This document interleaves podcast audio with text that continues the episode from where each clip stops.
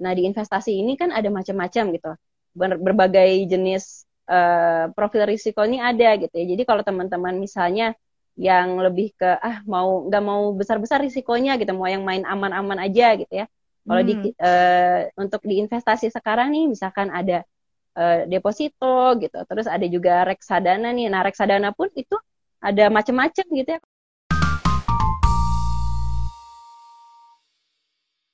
Biasanya juga ada kasus lagi nih biasanya tuh karena mereka tadi mulai mungkin mulai dari sana kali ya mulai terjebak diundang diundang dulu di Telegram terus mungkin ada invitation hmm. ikut seminar terus mungkin akhirnya tertarik ikut skema investasi apalah hmm. gitu kan akhirnya Bener. bukannya untung malah buntung malah gimana nutupinnya kayaknya pinjol aja akhirnya pinjol juga makin banyak tutup lubang gali lubang tutup lubang eh Betul, istilahnya karena iya. karena bunganya gede banget kan. Wah bisa itu benar banget yang benar banget bilang bunganya bisa lima persen sehari loh.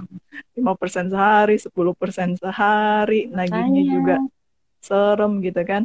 Nah uh, kalau menurut Kak Zahra nih gimana biar uh, apa namanya kita bisa semakin aware sama eh, hal-hal uh, tersebut? Dan gimana caranya kita ngatur keuangan biar kita nggak usah deh mikirin yang kayak gitu kayak gitu nih. Hmm. Oke, okay, jadi memang sebenarnya kan kalau teman-teman nih mungkin ada yang sampai terjerat pinjol, pastinya nggak menurut saya sih nggak mungkin lah ya iseng-iseng gitu.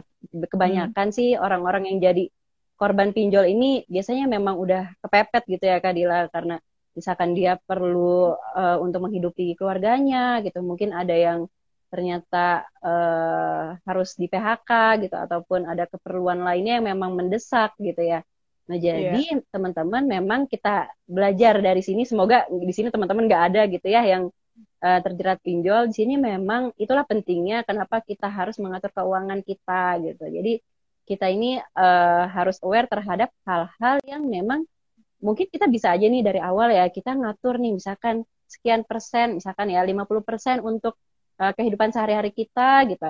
Terus misalkan kita sisihkan 30% misalkan itu untuk ada yang mau ngasih uh, ke orang tua sama juga untuk uh, mungkin hiburan nanti 20 persennya misalkan untuk ditabung gitu ya. Itu kan hmm, kita yeah. bisa lah gitu. Itu kita kondisikan aja. Tapi kan pasti ada nih hal-hal yang di luar dugaan kita gitu ya Kadila.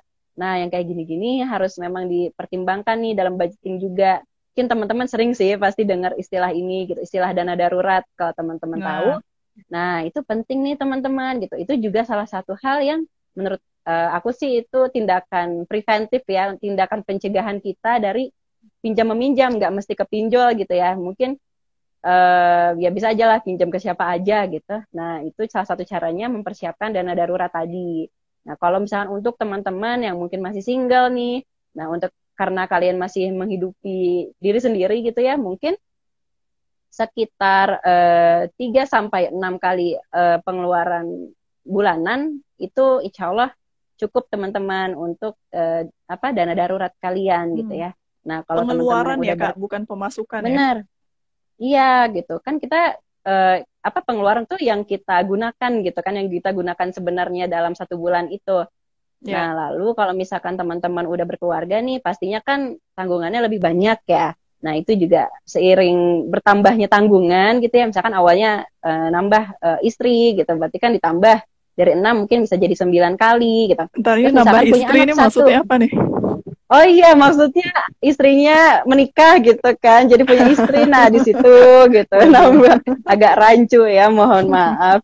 terus ya gitulah kalau misalkan nambah anak lagi gitu. Berarti kan atau misalkan teman-teman punya orang tua yang memang masih tinggal sama teman-teman itu juga pastinya harus diperhitungkan juga gitu. Karena kan macam-macam ya mungkin dana darurat itu nggak mesti dipakainya untuk kita pribadi nih Kadila gitu. Nggak mesti pas kita sakit atau kita hmm. uh, kendaraan kita rusak gitu. Tapi misalkan gitu ternyata orang tua kita perlu uh, ke rumah sakit gitu. Atau misalnya uh, anak kita uh, tiba-tiba ada hal-hal yang mendesak harus dipenuhi gitu kan nah kayak gitu sih.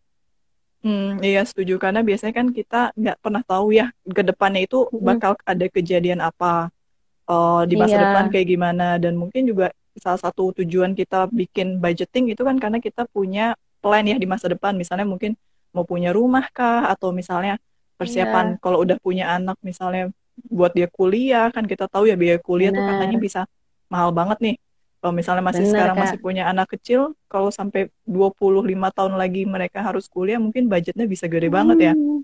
Makanya kita perlu Ada inflasi ya, Kak ya. Inflasi. Nah, hmm. biar uang kita tergerus inflasi dan lain sebagainya. Dan ini juga yang perlu kita waspadai ya, teman-teman. Jangan sampai kita tidak membuat budgeting karena ya ke depannya kita nggak pernah tahu uh, apa yang akan terjadi dan biayanya mungkin bisa lebih besar daripada sekarang. Nah, biasanya nih Kak Zara hmm. untuk bisa mengantisipasi itu kan ya kita perlu yang namanya investasi dong ya investasi hmm. nah investasi itu ada apa aja sih Kak Zara yang mungkin perlu kita tahu perlu kita pahami biar oh, kita bisa berinvestasi dengan baik dan benar dan tentunya biar kita terhindar dari investasi bodong nih oke okay, ya jadi kalau terkait investasi nih ya sebenarnya yang perlu uh, pertama kita sadari juga uh, untuk misalnya kita nih sama-sama si pemula gitu ya, jangan sampai kita ujuk-ujuk langsung ke investasi gitu Kak Dila ya. Jadi teman-teman sebelum kita investasi tadi, kita juga harus tahu nih gitu kondisi keuangan kita sendiri gitu ya. Jadi uh, pastikan nih teman-teman untuk memenuhi apa ya pengeluaran teman-teman sendiri itu juga aman gitu. Jadi jangan sampai udah banyak-banyakin investasi gitu. Tapi ternyata dana hmm. daruratnya nggak dipenuhi gitu ya, dibiarin aja kosong misalkan. Nah, padahal yang namanya investasi nih Kak Dila akan selalu ada yang namanya risiko gitu. Jadi kita jangan sampai mau investasi nih mau dapat cuannya aja nih Kak Dila, tapi kita hmm. juga harus tahu kalau namanya investasi itu tetap ada namanya uh, risiko gitu ya. Risiko misalkan uh, nilai uang kita berkurang atau lain sebagainya gitu. Itu kan harus kita sadari dulu gitu yang pertama. Nah, tapi teman-teman yeah. kalau misalkan teman-teman mau belajar lagi nih ya, Nah, di investasi ini kan ada macam-macam gitu.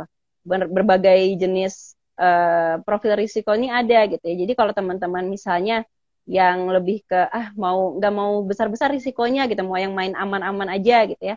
Kalau hmm. di uh, untuk di investasi sekarang nih misalkan ada uh, deposito gitu, terus ada juga reksadana nih. Nah, reksadana pun itu ada macam-macam gitu ya kalau teman-teman tahu gitu ada reksadana pasar uang, reksadana pendapatan tetap, saham gitu ya, macam-macam. Nah, biasanya kalau yang lebih uh, risikonya rendah gitu levelnya itu bedanya itu apa kak? Uh, reksadana hmm? pasar uang sama reksadana uh, saham tadi bedanya apa? Oh iya, jadi teman-teman kalau misalkan ya reksadana pasar uang ini memang dia kan level risikonya juga lebih rendah ya karena memang hmm.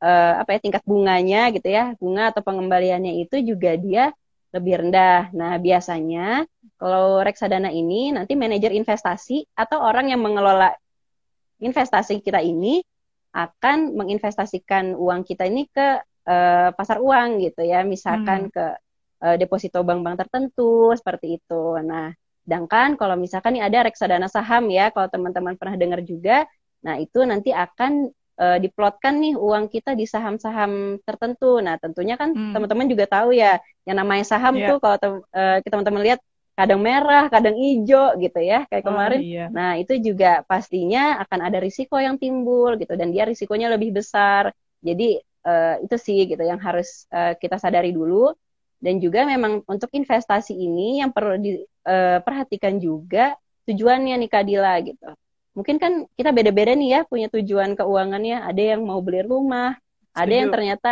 anaknya mau sekolah masuk sekolah gitu ya untuk bayaran anak sekolahnya misalkan dua tahun lagi tiga tahun lagi kan itu berarti jaraknya lebih pendek ya nah hmm, berarti yeah. kita harus sesuai gitu dan juga tetap disesuaikan dengan kondisi keuangan kita tentunya